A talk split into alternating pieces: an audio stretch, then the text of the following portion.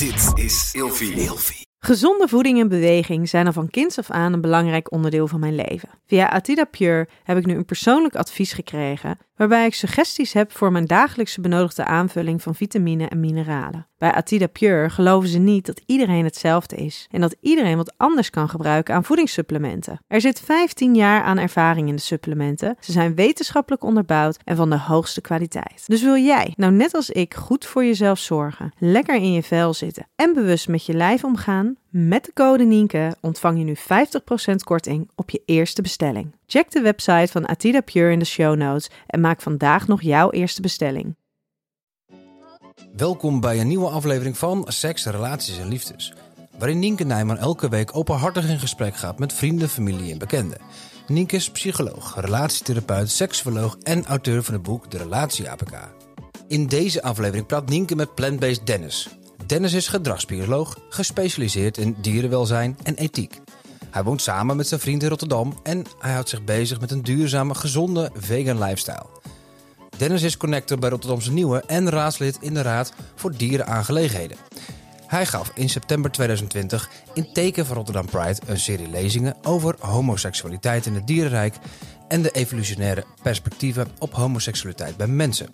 Dit vond Nienke zo interessant dat zij Dennis heeft uitgenodigd om elke twee maanden bij te praten. Over alles op het gebied van seksuele diversiteit, het dierenrijk en actualiteit. Dennis, welkom uh, bij de eerste keer dat we elkaar uh, spreken. Dank je. Um, ik wil het heel graag gaan hebben met jou uh, over uiteraard jouw werk als bioloog. Mm -hmm. En jouw onderzoek naar homoseksualiteit. Um, maar ik ben ook heel erg benieuwd naar jouw eigen verhaal.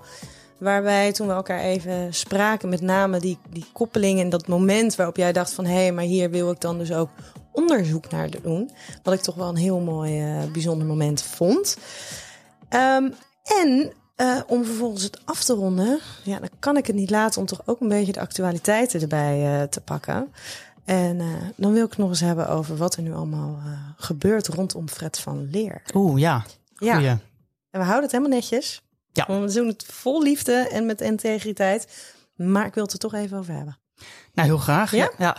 Ik had jou gevraagd om uh, uh, vijf woorden op te schrijven of te bedenken. Mhm. Mm -hmm. Die voor jou um, nou ja, stonden voor seksualiteit, liefde en relaties. Wat zijn dat voor woorden geworden? Na heel lang uh, nadenken ben ik op de volgende vijf woorden gekomen. Dat zijn diversiteit, om mee te beginnen. ja, divers, ik had ook uniek kunnen zeggen de achterliggende gedachte van die eerste is eigenlijk uh, dat ik er ook, ja, zeker nu ik de laatste tijd weer meer in ben gedoken, er steeds meer achter ben gekomen hoe ongelooflijk uh, divers seksualiteit is en seks is. En dat er zo'n ongelooflijk groot aantal factoren uh, ja, invloed heeft op jouw seksualiteit, dat we er eigenlijk wel van uit kunnen gaan dat iedereen een unieke seksualiteit heeft. Dat, uh, dat, ja, dat is voor mij heel tekenend voor seksualiteit. De tweede is kwetsbaarheid. Um, omdat ik geloof dat ja, je, stelt je ongelooflijk kwetsbaar op. Nou, als we het dan straks toch over Fred van Leer gaan hebben. Um, ja, je, je bent op, op dat moment ben je ontzettend kwetsbaar. En ik denk dat als je op je meest kwetsbaar durft te zijn, dat seks dan het, het allerfijnst en het allermooiste is. Uh, de derde was vertrouwen. Vertrouwen, en dat is, die, ja, die bedoel ik eigenlijk tweeledig. Um, allereerst vertrouwen in degene met wie je dus seks kiest te hebben. Nou, dan hebben, gaan we het weer straks hebben over Fred van Leer. uh, dat is natuurlijk, daar zie je hoe, hoe belangrijk vertrouwen is dat je de persoon met wie je dat deelt. Uh, en de persoon naar wie jij je kwetsbaar opstelt ook echt kan vertrouwen. Je weet, ik weet natuurlijk niet het fijne van wie uiteindelijk daar uh, de, de, de, fout heeft gemaakt. Maar uh, ja, laat maar eens zien hoe belangrijk vertrouwen is. Maar ook vertrouwen in jezelf, zelfvertrouwen. Um, ook omdat ik denk, ja, seks is, is pas echt fijn als je als je, uh, je sexy echt kan voelen. Als je niet hoeft te verstijven omdat je te weinig zelfvertrouwen durft te hebben. Um, dus daarom, ja, zelfvertrouwen is voor mij daar ook een hele belangrijke in. Toewijding, die slaat niet, die slaat niet zozeer op seks, ook wel. kan ook. Af en toe. Maar uh, die slaat voor mij vooral op, op uh, relaties. Um, omdat ik geloof dat er een ongelooflijke hoeveelheid toewijding voor nodig is voor, ja, om, een, om een relatie goed en gezond en, uh, en fijn te houden. En tot slot plezier. Ehm, omdat seks nou eenmaal ja, bedoeld is om heel plezierig te zijn natuurlijk. Dat is in de loop van de evolutie hebben, is seks plezierig gemaakt. Want ja, dat zorgt ervoor dat je het zo vaak mogelijk doet. En dus zo, zo, ja, zo blijft voortplanten, ook al heb je al kinderen, zeg maar. Ja, en ik vind het wel mooi wat jij inderdaad zei over die diversiteit, dan wel uniek zijn. Het is inderdaad hoe meer je met seksualiteit bezig bent en je erin verdiept, maar ook vanaf een heel open-minded uh, oogpunt. Hè? Dat je dus wel oog hebt voor alles wat er mogelijk is. Hoe meer je erin verdiept, hoe meer je erachter komt dat er, nou ja, het lijkt eigenlijk niet in zijn volledigheid te beschreven kunnen worden. Ja, klopt. Het is zo bizar divers. Het is oneindig. Ja. Ja, dus daarom eigenlijk in eerste instantie, en dat is ook het beetje het schreven. Uh, we groeien natuurlijk allemaal op um, en je hoort van een aantal uh, ja, soorten seksualiteit, hoor je het een en ander. En zelfs over de, de meest gangbare, zeg maar, de meest bekende hoor je, wat mij betreft, veel te weinig.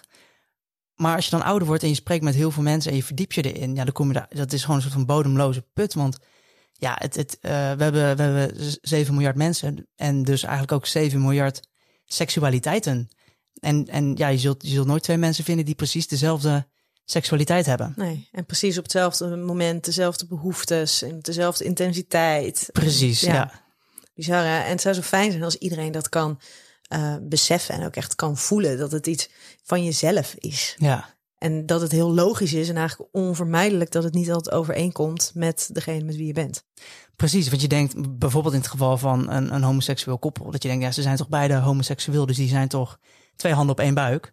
Um, maar dat is dus ook niet zo, want... Dat is, dat is toch eigenlijk hartstikke naïef om dat te denken. Ja, ja. Maar toch ook, ik denk juist doordat dat er weinig over gesproken wordt en dat er weinig bij, bij stil wordt gestaan, dat, elke, dat iedereen een aparte, hele eigen seksualiteit heeft.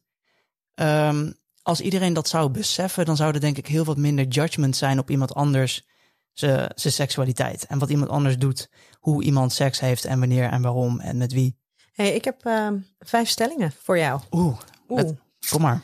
Seksu uh, seksuele diversiteit als norm van de maatschappij is een illusie. Ik denk dat dat, ja, dat, dat helaas toch waar is. Um, omdat je toch altijd een soort van een, een majority hebt. Uh, een meerderheid die, een, uh, die, een bepaald, die onder een bepaalde categorie kunnen vallen. Heteroseksualiteit wordt dat gezien als de norm. En net zoals bijvoorbeeld ehm, de, ja, de dominante ideologie, die, die zie je ook nooit. En, het, en dat, dat wordt dan de norm gevonden. En als je daarvan afwijkt, dan ben je anders. En zo is dat met seksualiteit, denk ik ook. Dus jij denkt niet dat dit ooit de norm kan worden? Ik denk, ik denk het wel, uiteindelijk wel. Maar daar zijn we nog lang niet. En daarom ben ik ook zo uh, gepassioneerd over um, evenementen als uh, Pride Amsterdam en Rotterdam Pride. En eigenlijk alle um, uh, ja, momenten in het jaar dat er stil wordt gestaan en extra over wordt gesproken en extra dialogen worden gevoerd. Um, ja, daarom geloof ik ook dat die zo ontzettend belangrijk zijn. Omdat, we, omdat dat ervoor zorgt dat we ja, blijven praten en blijven openstaan voor, voor de diversiteit.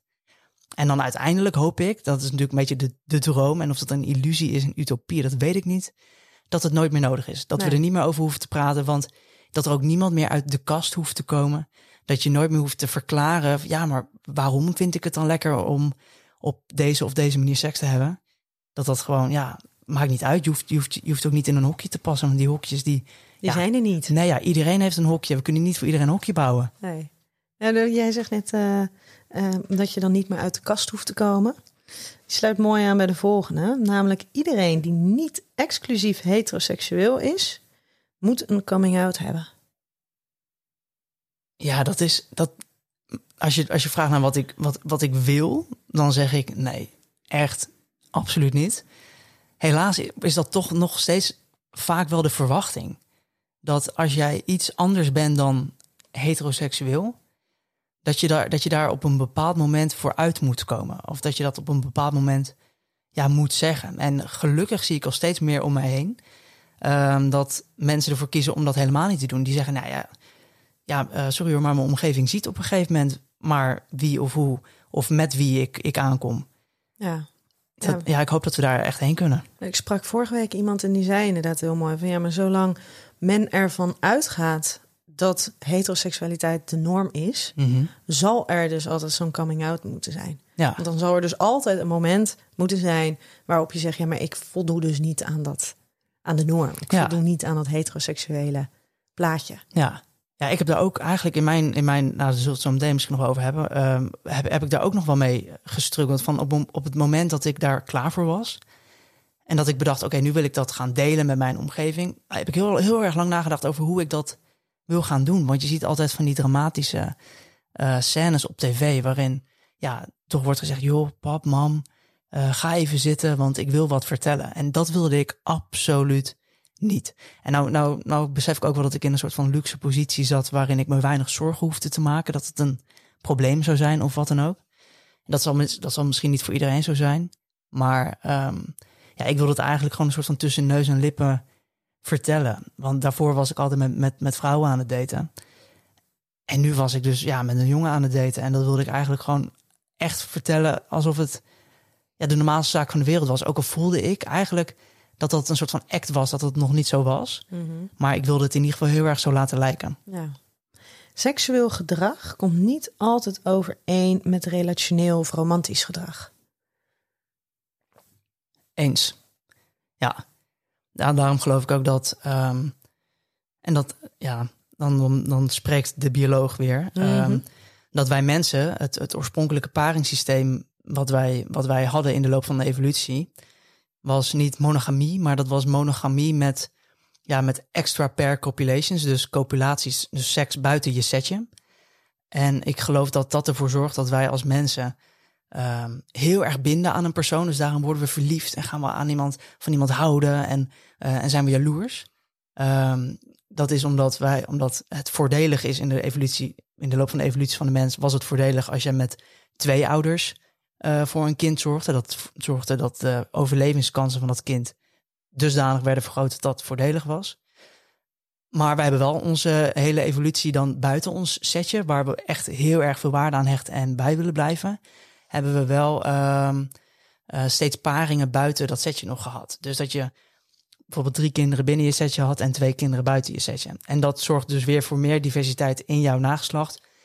Ehm, en dus meer, ja, uiteindelijk meer evolutionair voordeel. Ja, maar dan op het moment dat er dus ook ehm, kinderen bij komen kijken, buiten jouw vaste soort van setje, dan wel relatie, ehm, daar zit dan toch ook weer een commitment aan. Nee, want dat is dus het grappige. Wat, wat, wat, wat ze dan vaak deden, is een paring buiten de deur. Ja. En dan weer terug naar je setje. En, en, en, en daarom denk ik dat we het zo goed kunnen loskoppelen. Ehm, Seks en liefde. seks en liefde. Want als ik bijvoorbeeld. Ik denk dat heel veel mensen vroeg of laat daarom een soort van urge krijgen. Dat is mijn biologische kijk erop in ieder geval. Een, Ja. soort van een, een, neig, een, een urge krijgen om buiten hun setje de- die spanning op te zoeken. Maar zodra dat dan klaar is en ze hebben het uit, uit hun systeem, denken ze: Goh, ik hou toch wel echt heel erg veel van mijn eigen partner. En dan komen ze weer thuis. En dan komen ze weer thuis. Maar wat denk ik tegenwoordig om- in onze monogame samenleving, eh, of hoofdzakelijk monogame samenleving, eh, eh, dan vaak fout gaat, is dat dan of mensen zeggen: ik ga het stiekem doen. Nou, dan worden ze betrapt, is het één groot fiasco Drama. en drama. Eh, of ze denken: nee, nee, ik moet netjes zijn, ik moet eerst mijn relatie beëindigen. Want ik wil eh, gehoor geven aan deze neiging en aan, de- aan deze spanning. aan die spanning. Eh, maar zodra dat weer weg is, dan denk je, ja shit, heb ik nou echt serieus mijn relatie opgegeven voor dat ene vluchtige? En dan heb je geen van beiden meer. En dan heb je geen van beiden meer. Nee, Nee. klopt. Maar dan ergens, hè, misschien is het een hele snelle conclusie, zou het dus heel gezond gedrag zijn dat je dus als je in een relatie zit, dat je dus de behoefte hebt tot de nieuwsgierigheid ehm, naar, naar spanning met een ander. Ehm, maar dat je daarna ook weer de behoefte hebt om gewoon thuis te komen.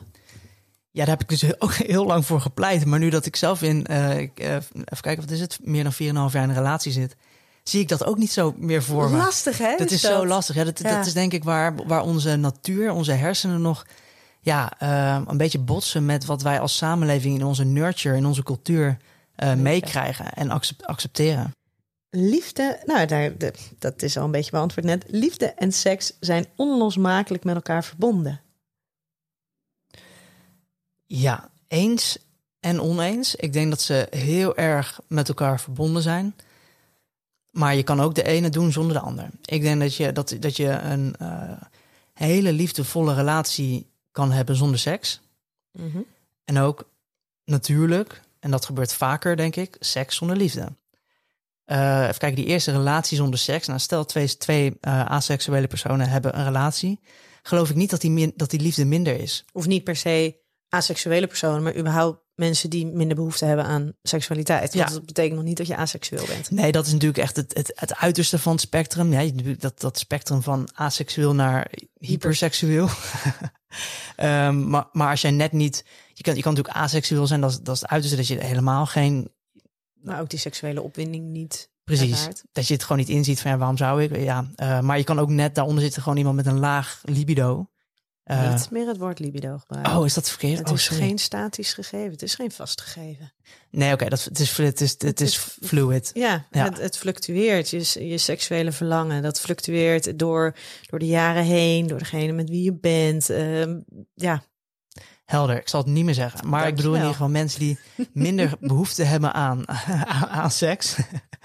Die, eh, ja, en, en die dus daar als gevolg daarvan in, binnen hun mega liefdevolle relatie helemaal niet zo heel vaak seks hebben. Of in ieder geval ver onder het, het gemiddelde misschien.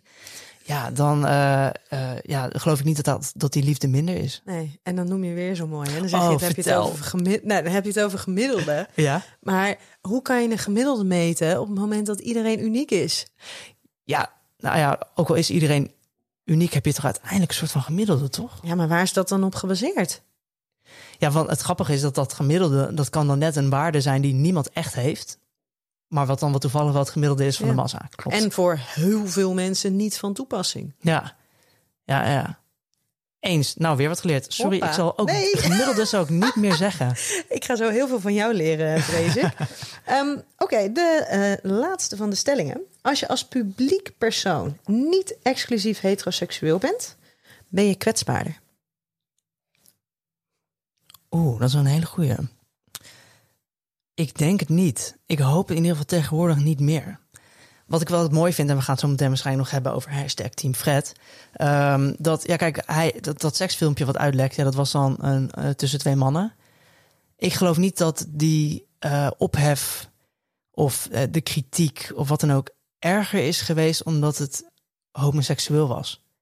En dat vond ik ergens in alle drama, vond ik dat soort van fijn dat daar niet op werd gefocust. Ehm, het was heel intiem tussen twee mensen en dat dat niet per se was omdat hij dan, omdat, omdat hij dan dat met een andere man aan het doen was.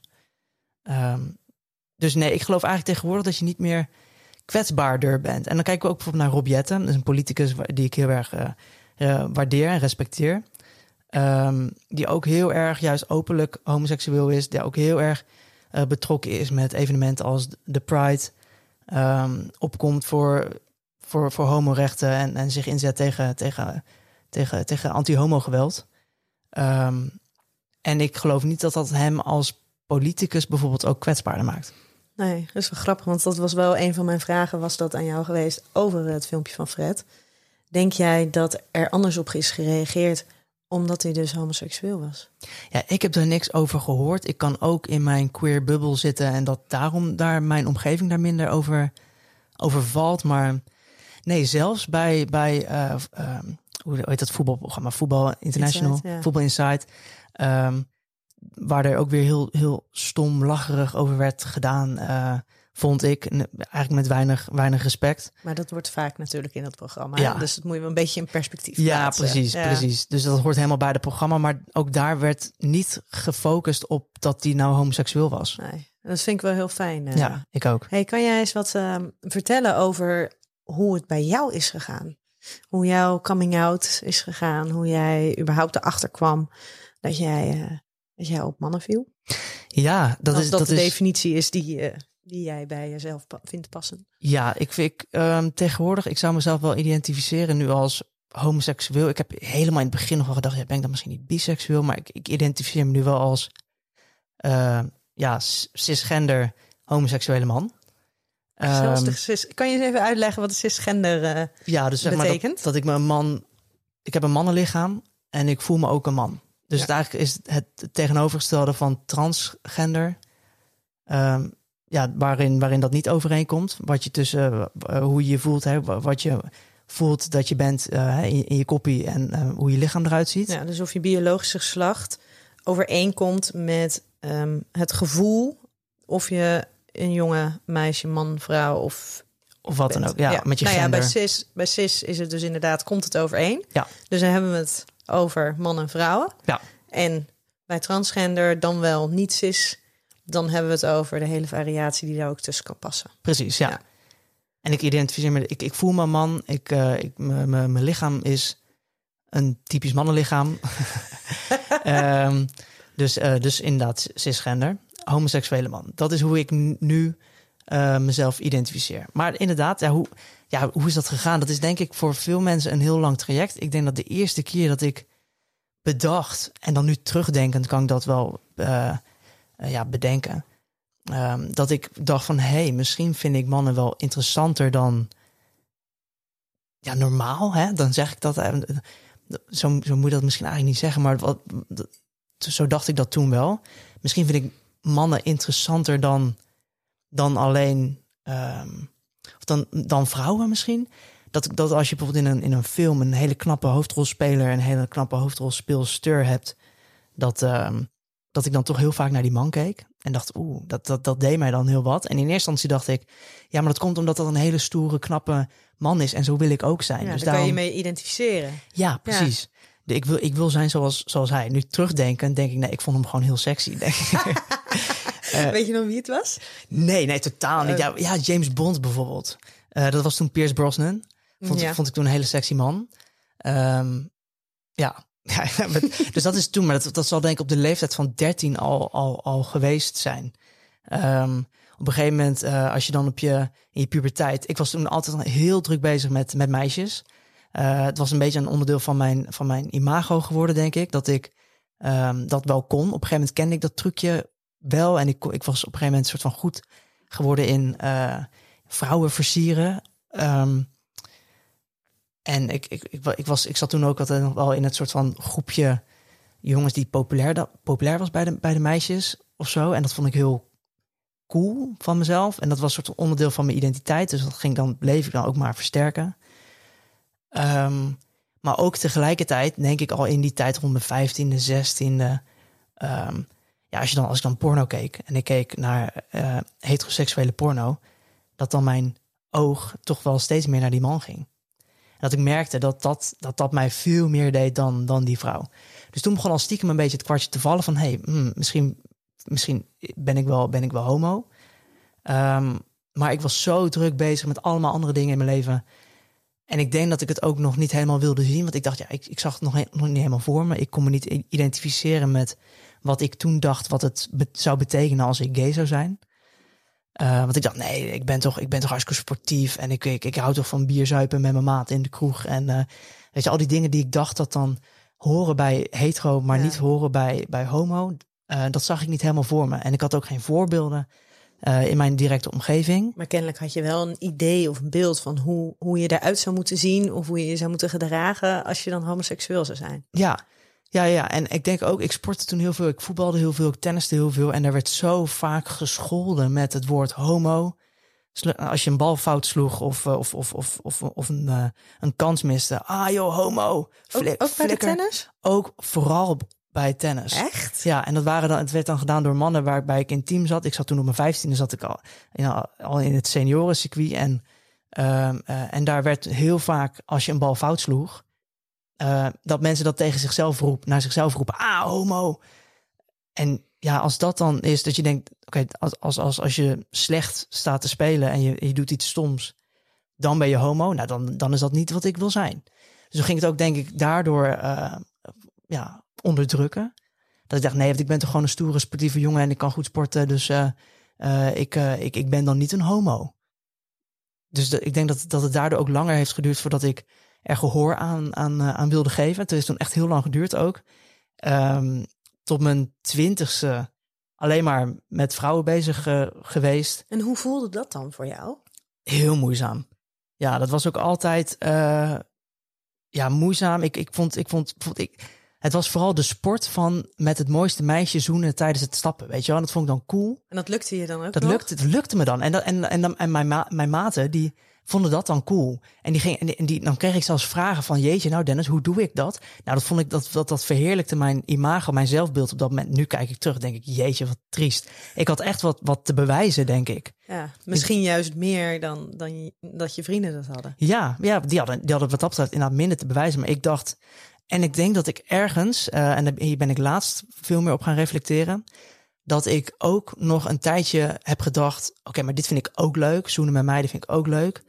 Dus als ik dat maar vaak genoeg doe met de, met de mooiste, leukste meiden, dan word ik vanzelf nog wel hetero. Maar had je dan wel dus al ergens het idee, ik ben dus geen hetero?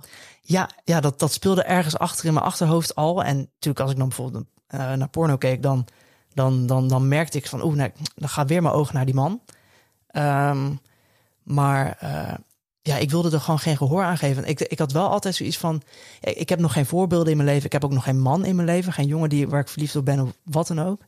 Eh, ik had wel altijd zoiets van, als dat een keer wel komt, dan, ehm, ja, dan, geef ik daar wel alle ruimte aan. Maar dat, dat komt dan wel wanneer het komt. Want voor nu, op dat moment was ik ook zo van bang wat het zou doen met mijn sociale leven. Ik ging altijd, eh, we gingen heel vaak stappen met, met, met jongens. En bleef ik bij een van de jongens slapen. Soms in bed, soms, soms naast het bed, wat dan ook. Ik dacht, verandert dat dan als ik uit de kast kom? En waarschijnlijk was het antwoord ja geweest. Ja, op die leeftijd, ja, ik weet het. Ja, met, met de vrienden die ik toen had, En op die leeftijd, hè? Ja, op die leeftijd toen wel. Ja, en toen was ik ook nog op geen enkele manier klaar voor, voor mezelf, denk ik. Wat dan weer veroorzaakt wordt door hoe je omgeving is. En dat er met homo wordt gescholden en eh, ja, niet over wordt gesproken eigenlijk. Ja, in retrospect, als je dus met die vrienden van toen had gezegd van goh, ik denk dat ik op, eh, op mannen viel, of op val of op jongens. Denk je dat ze daar oké op hadden gereageerd? En dan nog even los van het, je mag bij me in bed slapen nog steeds, maar gewoon überhaupt. Ja, ja. Dan heb ik het over mijn middelbare schoolvrienden. ehm, waar ik inmiddels niet echt meer... Dat zijn nu een soort van kennissen, weet je. We, we, sturen elkaar gefeliciteerd op elkaars verjaardag. Spreken elkaar af en toe op een festival, eh, toevallig. Ehm, ja, dat zijn allemaal jongens die ja, heel open-minded zijn... en totaal ook no- nooit een gek gezicht hebben eh, ja, gegeven toen, toen, toen, toen ik ze erover sprak. Dus ik denk in retrospect wel. Ik denk wel dit zijn natuurlijk ook gewoon nu allemaal volwassen mannen. Ehm, maar nee, nee ja, ik denk dat, dat, dat ze het allemaal hadden geaccepteerd. Want ik was ook niet in één keer anders geweest.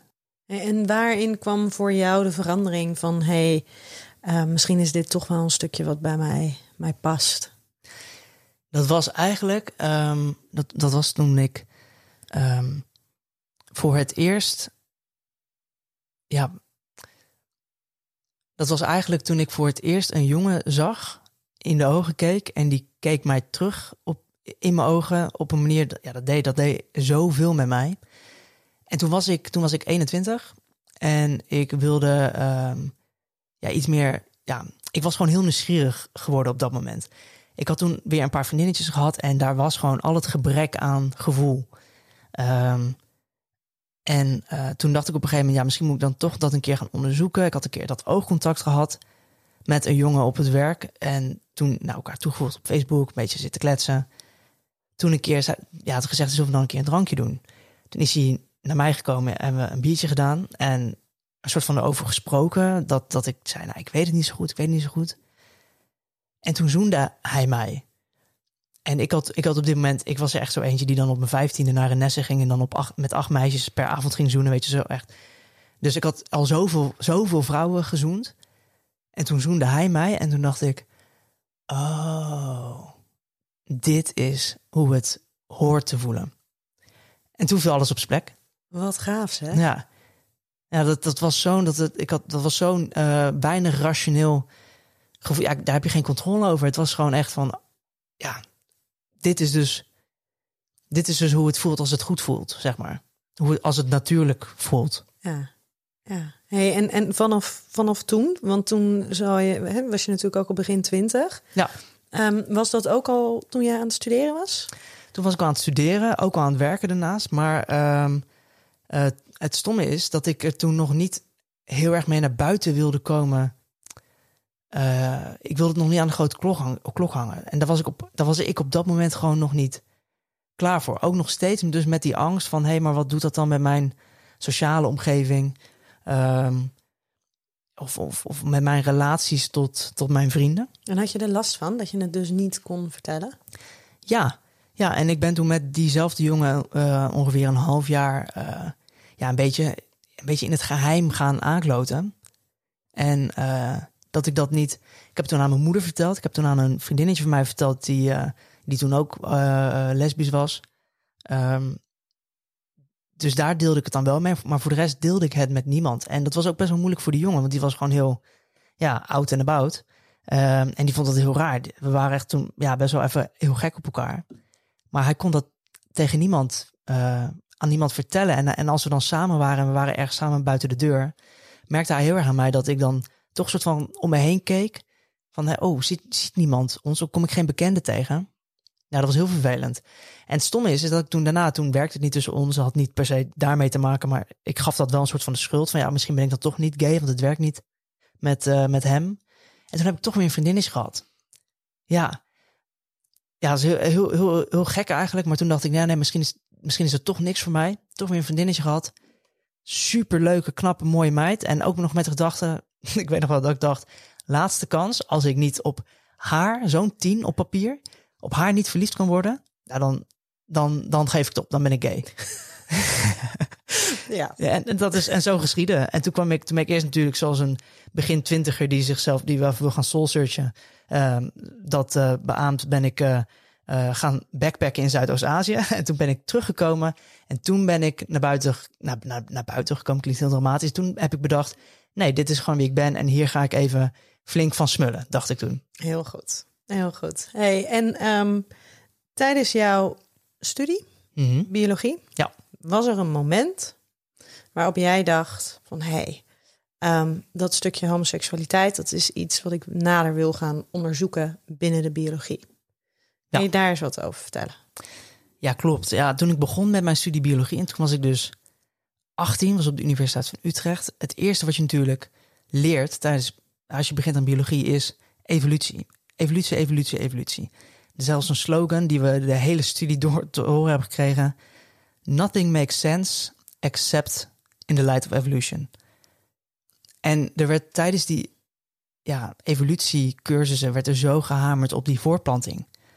En ehm, ja, je leert dan natuurlijk over Charles Darwin en over die vink, vinkjes en over ehm, hoe het doorgeven van jouw genen aan de volgende generatie eigenlijk alles is waar het, waar het om draait.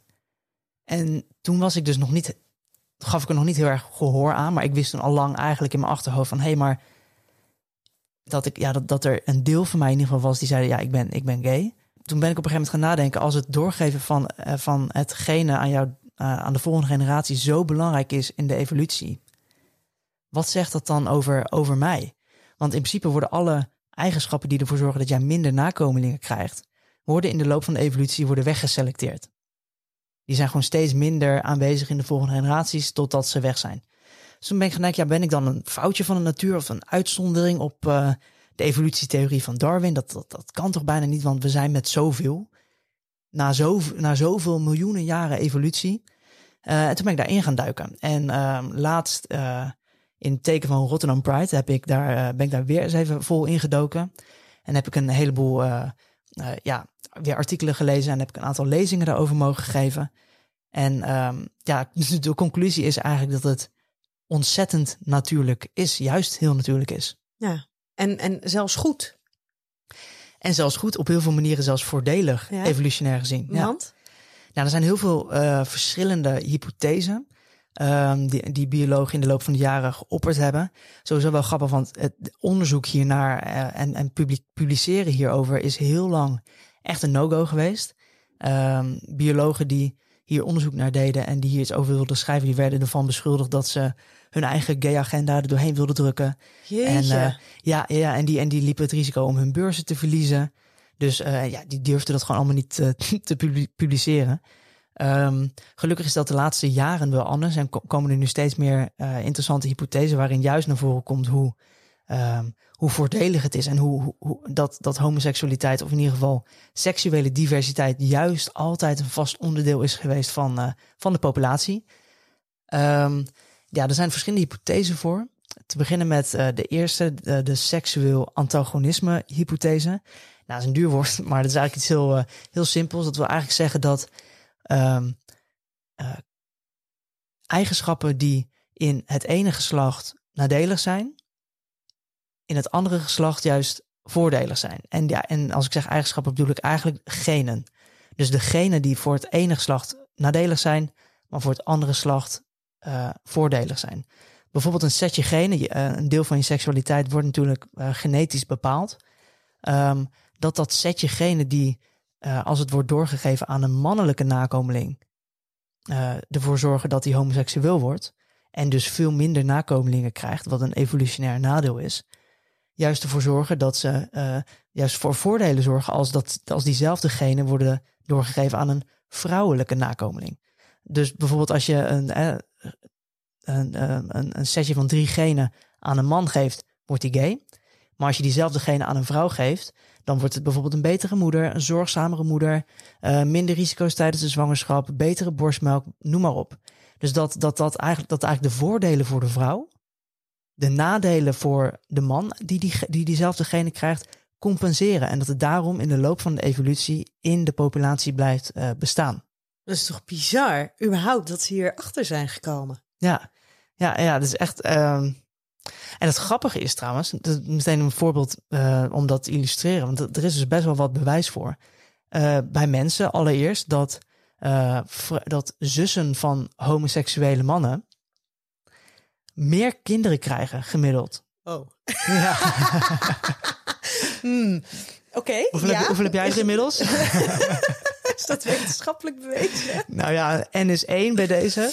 Nou ja. ja. Er zijn nog meer zussen. Die maken het misschien goed. Oh, oké. Nou goed. Dus, dus bij mensen is dat al gebleken. Maar niet alleen bij mensen. Wat heel interessant is, is dat Um, uh, dat ze op een gegeven moment hebben gevonden dat uh, bij schapen ook sommige mannetjes, 8% van de populatie homoseksueel is. Dat is best hoog. Heel hoog, ja. En dat is, het bijzondere is dat bij de meeste diersoorten uh, die, waarbij homoseksualiteit of homoseksueel gedrag voorkomt, dat ze niet exclusief homoseksueel zijn. Dat ze vroeg of laat uh, switchen. Dat dat is bijvoorbeeld in een bepaalde situatie alleen homoseksueel gedrag vertonen of in een bepaalde levensfase. Maar bij schapen blijven ze hun hele leven lang uh, exclusief homoseksueel, die homoseksuele mannetjes.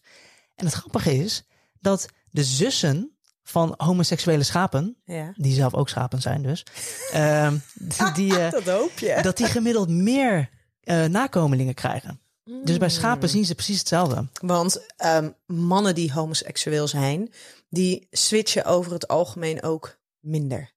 Ja, bij mensen switchen ze over het algemeen minder. Bij dieren is het veel meer um, ja, gebonden aan een bepaalde situatie of aan een bepaalde levensfase. Of aan een bepaalde dynamiek of status in de, in, in de groep. Ja. Wat het ehm, bijzondere aan, aan uh, als we het hebben over homoseksuele vrouwen of lesbische vrouwen, daar zie je dat het wel nog wat kan switchen. In ieder geval, dat, daar lijkt het wat meer fluide te zijn dan dat het bij mannen zo is. Ja, het grappige is, is dat ook in de loop van, ja, van, van, van, van mijn verdieping hierin, um, ik er ook steeds meer achter kwam dat homoseksualiteit bij vrouwen echt heel erg verschillend is uh, van homoseksualiteit bij mannen. Dus niet alleen de biologische oorzaken en van hoe, hoe, hoe, hoe, hoe je nou uh, geboren wordt met homoseksuele hersenen, um, maar ook ja, de, de evolutionaire verklaringen daarvoor. Ja, maar kan dat er ook mee te maken hebben dat als je, als je gewoon kijkt naar, naar onze maatschappij, dat er dus op homoseksuele mannen zo anders wordt gereageerd dan op homoseksuele vrouwen? Geen idee. Nou, wat, wat sowieso wel interessant is, de mens is de enige diersoort van alle ruim 1500 diersoorten waarbij het al is gezien en is waargenomen. Uh, dat, ja, daarbij is de mens de enige bij, bij, bij wie het uh, af wordt gekeurd. Echt? Ja, of bij wie het uh, agressie oproept. En dat is natuurlijk ook zo. Dat is vooral een gevolg van allerlei culturele fenomenen, waaronder religie bijvoorbeeld. En dat is iets wat, dat, dat, ja, dat soort fenomenen, fenomenen die zijn de afgelopen paar duizend jaar, wat echt een flits is in de, in de als je het kijkt hè, op de timescale van evolutie, zijn die er pas bijgekomen. Dus de rest van die miljoenen jaren evolutie hadden we die gekke uh, ja, culturele fenomenen hadden we niet. En dat, je ziet het ook niet bij dieren. Uh, als twee mannelijke, mannetje, twee mannelijke leeuwtjes elkaar aan het bereiden zijn, ja, dan reageert de, de rest van de groep daar echt niet gek op. Ik vind dit zo interessant. Hey, en jij zei net ook, um, eh, je had het net even expliciet over seksueel gedrag. Want het kan dus best zo zijn. En ik denk dat dat voor heel veel mensen ook wel belangrijk is om dat eens een keer gehoord te hebben. Is dat het feit dat je bijvoorbeeld nieuwsgierig bent naar uh, homoseksueel gedrag. Dat dat niet altijd per definitie dus ook betekent dat daar je romantische oriëntatie ook ligt. Ja. Of dat je daarmee wordt gedefinieerd als zijnde ik ben homoseksueel. Ja. Gedefinieerd, identificeerd, sorry. Ja. Ja, ik denk dat dat, dat, dat daar ben ik het mee eens. Um, ik denk ook hoe ik het, hoe ik het dan zie, maar verbeter me vooral als, eh, als, ik, als, ik iets, als ik iets geks zeg. Dat het, kijk, het is natuurlijk nooit, het is nooit zwart-wit. Van je, je bent dit of je bent dat. Het is natuurlijk altijd een spectrum. Spectrum langs allerlei assen. Van, van, van 100% exclusief hetero naar 100% exclusief homo en alles ertussenin. En misschien dat een dat iemand die helemaal aan het uiterste zit en, en, en, en hij zich zou identificeren als uh, eh, 100% exclusief hetero. Nee, niet identificeren, maar dat misschien biologisch is. Dat die minder de behoefte heeft om dat een keer te gaan experimenteren. Maar dat je alsnog volgens onze samenleving in het hoekje heteroseksueel uh, kan, uh, kan komen te vallen. Of daarin kan worden geplaatst. Maar dat je misschien op, weet ik veel, 80-20 zit van dat spectrum. En als je dan een keer zegt, nou, ik, dat lijkt me een keer leuk of een keer interessant. Of ja, dat dan, ja, dan, dan hoef je niet per se meteen van hokje te verplaatsen. Nou, het liefst zou je natuurlijk al die hokjes helemaal niet hebben. Ja, dat zou zo mooi zijn, hè? Dat het gewoon één grote open ruimte wordt waarin mensen gewoon aangetrokken voelen zijn tot andere mensen. Ja. Ongeacht gender, uh, geslacht. Ja. En je hoeft aan niemand, en dan hoef je ook aan niemand uit te leggen wat je nou weer doet. Bijvoorbeeld een, een vriendinnetje van mij, um, over het algemeen, de laatste relaties waren dan steeds met vrouwen en die had dan een paar keer weer seks met mannen moest zij in één keer gaan uitleggen, ja, maar, maar wat, waarom dan? En ben je nu dan hetero? En ja, dat is zoiets vervelends. En dat, dat, dat beperkt, denk ik, mensen zo erg in hun vrijheid om lekker te experimenteren en lekker maar aan te pappen en doen wat voor hun goed voelt en wat zij leuk vinden. En inderdaad ook gewoon te mogen voelen wat ze voelen. Ja. Want ze moeten, um, bij dat ze voelen, moeten ze in ieder geval genoeg reden hebben om dat te kunnen voelen. Ja, precies. En ze moeten er verantwoording voor kunnen afleggen. Ja. En hoe sta jij tegenover uh, um, het hele stukje rondom acceptatie en tolerantie? Want nou ja, in Nederland, um, als je het dan hebt over mensen, hebben we het hier in Nederland mm, in vergelijking met heel veel andere landen best oké. als je het hebt over seksuele diversiteit. Mm -hmm. Nou, wel bijzonder dat, dat wij dus de enige diersoort zijn waarbij dus überhaupt er, er moeilijk over wordt gedaan. Ja. Um, maar hoe sta jij daarin vanuit jouw perspectief als het gaat over het accepteren van seksuele diversiteit en de maat van tolerantie die er is? Um, allereerst, zo, ik, heb, ik heb net één hypothese benoemd en die andere twee moet ik denk straks toch nog even kort, uh, kort toelichten. We komen zo meteen weer op. Jouw vraag. Um, ik denk dat we in Nederland heel veel uh, geluk hebben dat we, dat we hier vergeleken met andere landen het relatief goed hebben dat het hier veilig is en dat je mag trouwen met wie je wil. En dat je in principe in ieder geval, in ieder geval wettelijk uh, kan zijn wie je wil en met wie je wil. Maar we zijn daar echt nog lang niet. Ik denk dat, dat we ook uh, moeten uh, uitkijken dat we te snel stoppen met erover praten. Dat we, dat we op een gegeven moment zeggen, ja, maar nu is het toch goed geregeld. En ja, joh, die homo-emancipatie is toch gedaan. Want iedereen kan hier toch lekker zijn en is hier lekker veilig. En uh, moeten we het nou echt elk jaar nog over hebben? En waarom is die Pride nog nodig? Ik denk daarin dat, dat, dat daarin uh, in, in die naïviteit het gevaar schuilt dat we stoppen met erover praten. En wat je dan krijgt, is dat je dan nog jarenlang een soort van sluimerende frustratie krijgt, een sluimerende angst ook, die dan op een gegeven moment weer in de grote beweging naar, naar boven komt. Precies wat je ziet met de Black Lives Matter beweging die um, die, die, dit jaar in één keer weer heel groot is geworden. Dat komt omdat er een paar jaar geleden uh, is gezegd, joh, het is nu toch wel oké, iedereen wordt geaccepteerd en we hebben um, die strijd is toch wel gestreden. De slavernij is al heel lang geleden afgelast. Dus die strijd is wel gestreden. Dus iedereen is nu gelijk.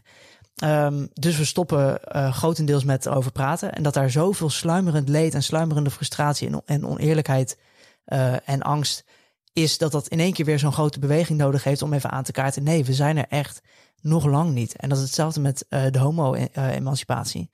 we hebben het hier in heel veel gevallen goed. Maar het feit dat, uh, dat ik nog steeds met mijn vriend niet overal hand in hand durf te lopen, bij echt verreweg niet overal. Um, en dat ik me in heel veel gevallen nog moet, moet, nog moet verklaren in, in onze heteronormatieve samenleving. Dat dan weer wordt gevraagd, ja, maar heb je een vriendin? En heb je een vrouw en heb je kinderen? Dat je dan weer jezelf moet uitspreken als, als anders dan de norm. Ehm, en zolang ik, ja, zolang homo en flikker en uh, dat, dat wordt gebruikt als scheldwoord en nog wordt gezien als een soort van teken van, van zwakte, uh, zijn we er echt nog lang niet. En het, het vervelende is dat ik juist het gevoel heb dat ja, we de laatste paar jaar misschien weer een paar stappen terug aan het zetten zijn. Door een soort van polariserend, uh, ja, polariserende samenleving. Ja, en dan heb je het nu over de homo-emancipatie, terwijl daar valt natuurlijk niet iedereen onder. Mhm. Want niet iedereen kan zich identificeren met homoseksueel. Dus die hebben weer hun eigen strijd daarin te, te, ja. te, leveren. Ja, we spreken de laatste. Uh, we spreken tegenwoordig ook vooral van de ja, queer ja. Uh, emancipatie of LHBTI. Um, dus eigenlijk alles, alles, alles wat niet hetero cis is, I guess, alles wat bij de queer community valt, dat valt onder dezelfde beweging. En daarbij is de homo-emancipatie nog wel een paar stappen voor op bijvoorbeeld uh, de strijd van uh, transpersonen. Ja. Um, maar hopelijk, hopelijk ja, gaan die de, de komende jaren ook wat uh, flinke inhaalsprongen maken. Ja. Hey, je zei uh, dat je nog twee andere hypotheses had. Kan jij die nog eens eventjes um, redelijk snel... Ja, ik zal ze heel bondel doen. Want het zijn, het zijn wel twee hypothesen die, uh, die denk ik uh, ook heel belangrijk zijn om te vermelden. Ik zei net die seksueel antagonisme hypothese. Ja. Maar bij die hypothese heeft homoseksualiteit aan zich niet een evolutionair voordeel per se, maar is het meer De het voordeel, ja, het voordeel wat het heeft voor het andere geslacht. Uh, maar twee andere hypothesen zijn A, de, de behulpzame oom-hypothese. Dat is uh, een hypothese die veronderstelt eigenlijk dat um, de, de mannen, homoseksuele mannen, in de loop van de evolutie zo'n belangrijke rol hebben uh, gespeeld in het groepsleven van de mens. En dat groepsleven is ontzettend belangrijk geweest voor de overleving van de mens. Um, dat zij, uh, ja, zij speelden een hele belangrijke rol als een, als een behulpzame oom. Die ervoor zorgde dat de hele familie goed bij elkaar bleef. En dat de, hele, en dat de, de, de overlevingskansen van de, uh, de nakomelingen van de broers en zussen verhoogden. En op die manier gaven ze dus niet zelf hun genen door, door zelf kinderen te krijgen. Maar zorgden zij voor meer uh, overlevingskansen, voor een grotere overlevingskans van hun neefjes en nichtjes. En evolutionair gezien ben jij net zo succesvol als jij vier neefjes en nichtjes helpt overleven. Als wanneer jij uh, twee eigen kinderen krijgt. En heeft het dan mee te maken dat omdat ze dus zelf niet voor nageslacht kunnen zorgen, zijn ze dus meer aanwezig binnen, binnen de groep, binnen de familie. En kunnen ze daarin dus ook die aandacht geven aan de neefjes en de nichtjes. Nou, het grappige is, is dat um, uh, wat ze ook hebben gezien, is dat um, homoseksuele mannen over het algemeen uh, hoger scoren op emotionele intelligentie, op sociale intelligentie, op communicatie. En dat zij ook meer geneigd zijn om taken te delen met hun, met hun moeder en hun moeder na te bootsen. Um, en zij denken dus dat juist die verhoogde zorgzaamheid uh, ja, bijdraagt aan het zorg willen dragen voor die neefjes en nichtjes. Ja. Hey, en, de, en de laatste? De allerlaatste. Dat is eigenlijk degene die de meeste steun uh, krijgt de laatste jaren. Dat is de socioseksuele hypothese. Daarin, uh, die veronderstelt eigenlijk dat um, homoseksualiteit ja, die, die, die, die, die gaat heel erg hand in hand met die tweede hypothese. Dus doordat homoseksuele mannen over het algemeen hoger scoren op emotionele intelligentie, sociale intelligentie, lager scoren op uh, agressie, hoger op tolerantie, dat, dat, uh, zorgt, dat zij een soort van fungeren als een um, sociale katalysator in de hele groep.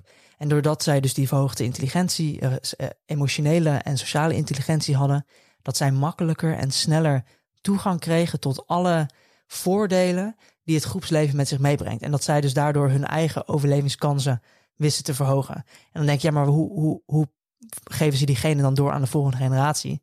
Wat, wat ik net ook al zei, het is natuurlijk altijd een spectrum. Mm -hmm. En uh, diegenen die zorgen voor homoseksualiteit en dus ook de daarbij gekoppelde um, uh, voordelen, sociale voordelen, die zorgen misschien in sommige gevallen, laten we zeggen 10% van de gevallen bij wijze van spreken, um, uh, voor exclusieve homoseksualiteit. Maar in de meeste andere gevallen heb je wel een groot deel van die sociale voordelen. Maar ben jij ook nog steeds, in ieder geval af en toe, geïnteresseerd in eh, seks met, eh, met vrouwen. Hmm. Dus zo blijft het alsnog in de generatie, eh, of in de populatie van generatie op generatie doorgegeven worden. Dankjewel. hey, we moeten ehm, hem alweer bijna gaan afronden. Ehm, toen we net begonnen, zei ik van nou, ik wil het er ook eventjes over, eh, over Fred van Leer eh, hebben. We hebben hem al een paar keer langs laten komen. Eh, een van mijn vragen was inderdaad van nou, maar wordt daar nu dan dus anders op gereageerd omdat het een homoseksuele man betreft? Of ehm, nou ja, is dat niet het geval? Jij geeft aan van nou, ik merk daar eigenlijk helemaal niks van. Ja, klopt. Hoe, hoe, ehm, hoe denk jij daar verder als bioloog over als jij dit, als jij dit dan ziet gebeuren? Ja, ik weet niet of ik daar anders op kijk, echt als bioloog, maar gewoon als mens. Ja. Ehm, want als bioloog kijk je niet heel anders op, denk ik, dan, eh, dan, dan, dan de rest van de mensen. Ehm, dan niet-biologen. Maar ja, ik, ik, eh, het breekt wel echt mijn hart. En als je die statement, hij heeft gisteravond een statement, eh, ehm, op, op het moment van opnemen was dat gisteravond, naar buiten gebracht op Instagram, waarin hij in een kwartier lang vertelt hoe zijn afgelopen week eruit heeft gezien. Dat hij daar met tranen zit te vertellen wat een nachtmerrie het is. Ja, het breekt echt mijn hart. Maar ik heb zo ontzettend veel bewondering en respect met hoeveel kracht en wijsheid hij dat zit te vertellen. Maar ook dat hij het niet op zichzelf alleen maar betrekt van, oh kijk wat mij nu is aangedaan en wat mij nu overkomt en dat is voor mij vreselijk. Maar hij, hij, zegt eigenlijk daarbij ook ehm, hij, dat hij zo'n ongelooflijk groot warm vangnet heeft met zoveel lieve mensen om zich heen die zo goed voor hem zorgen. ehm, dat, hij daarmee, daar, dat, dat hij daarmee heel erg veel geluk heeft. En dat dat ervoor zorgt dat het met hem nu al wel weer ja, de goede kant op gaat. Hij zegt het is een open wond die nog heel lang blijft. Maar hij zegt eh, dit gebeurt ook aan de lopende band met eh, meisjes of, of, of jongens of wie dan ook in de puberteit of, of in welke andere omgeving of, of eh, leeftijdscategorie dan ook. die niet dat vangnet hebben en waar niet op die manier voor wordt gezorgd. En waar wel ook seksfilmpjes van worden doorgestuurd. Eh, en waar hele levens worden verwoest. En met die mensen die niet datzelfde vangnet hebben als Fred van Leer, ehm, ja, loopt het vaak minder goed af. En dat vond ik zo ongelooflijk sterk dat hij die boodschap meteen deelde. Hij, hij, kon boven zichzelf uitstijgen, boven zijn eigen eh, ellende en zelfmedelijden uitstijgen en het grotere plaatje zien. En ja, iedereen oproepen van ja, als je deze filmpjes krijgt, verwijder ze en stuur ze niet door. Want je verwoest echt levens ermee. Ja. Nou, en ik vond het ook wel mooi dat dus ehm, de mate waarin hij hulp accepteerde van de mensen om hem heen. Ja, ja, Want dat moet je op dat moment ook kunnen. absoluut. En ik denk dat het nog heel belangrijk is dat, weet je, of je het filmpje nou wel of niet hebt gezien, ook dat, het, het is een uniek seksueel persoon. Ja, En ehm, mensen die hebben uitingen van seksualiteit waarvan anderen misschien denken, oh, nou daar kan ik me niks bij voorstellen. Maar alles is mogelijk en niks is gek. Ja, precies. En dat is, het, dat is het treurige ook, want ik heb het filmpje ook niet gezien. Ik heb er wel over gehoord dat hij, dat hij redelijk van de kaart leek te zijn, dat hij onder invloed leek te zijn van, van alles en nog wat. Ja, ik hoor helemaal niks geks. Ik hoor alleen maar van, oh jeetje, dat, lijkt, dat klinkt als een hele leuke avond. Eh, Ja. Ehm, maar ja, het, treurige is dan dat als zo'n filmpje naar buiten komt en je bent een publiek persoon als Fred van Leer, dat daar misschien heel, meteen heel gek over wordt gedaan, eh, dat hij dan onder invloed was van, ik weet niet wat. Maar ehm, het, het, klinkt, het klinkt alleen maar als een hele leuke vrije avond eh, eh, waarin ja, niks te gek is. Nee. hey, wij, gaan hem, wij gaan hem zo afronden. Ik had jou gevraagd om een, ook om een, een nummer mee te brengen voor vandaag. Ja. Waarmee wij eh, de aflevering gaan, eh, gaan afsluiten. Welk nummer is dat geworden? Dat is eh, Don't Leave Me This Way van de Communards. En de reden dat ik dat nummer heb gekozen is omdat ik zo'n sterke associatie heb met. ehm, eh, dat nummer is zo sterk geassocieerd met de, de Pride. Ehm, ik, ik- elke keer als ik dat nummer hoor, sta ik weer helemaal op die boot. En dan kijk ik om me heen en dan zie ik één groot vrij en blij feest. En waarin eh, niks te gek is, maar waar ook dat, wat, wat ook de enige dag is in het jaar eigenlijk. Waarin iedereen van de queer community zich één keer de norm mag voelen. En waarin je één keer echt totaal niet na hoeft te denken van... oh, kan ik op dit moment de hand van, eh, van mijn vriend pakken? Eh, of kan ik, kan, ik, kan ik mijn queerness heel, erg uiten zonder risico te lopen? En de reden dat ik dat bij dit verhaal heel erg vond passen... is omdat ik juist ook door, door het biologische perspectief, het evolutionaire perspectief uh, uh, ervan te belichten, juist wil laten zien hoe natuurlijk en normaal uh, het, het juist ook is. Dat het altijd al een onderdeel van de, van de populatie is geweest. Ja. En dat is precies het gevoel wat ik altijd krijg als ik tijdens de Pride op een boot iedereen vrij en liefdevol zie zijn. Um, en dat is ook elke keer dus wat ik een beetje voel als ik dit, uh, dit nummer hoor. Ja, nou, ik denk dat dat nog een hele mooie afsluitende boodschap is voor iedereen die altijd een beetje um, zijn twijfels heeft bij wat de Pride nou is en waarom het nou moet. Is omdat je dan gewoon een dag je kan voelen als de norm. Ja. ja. Hey, dankjewel voor dit gesprek. Ik hoop uh, je snel weer te spreken. Insgelijks.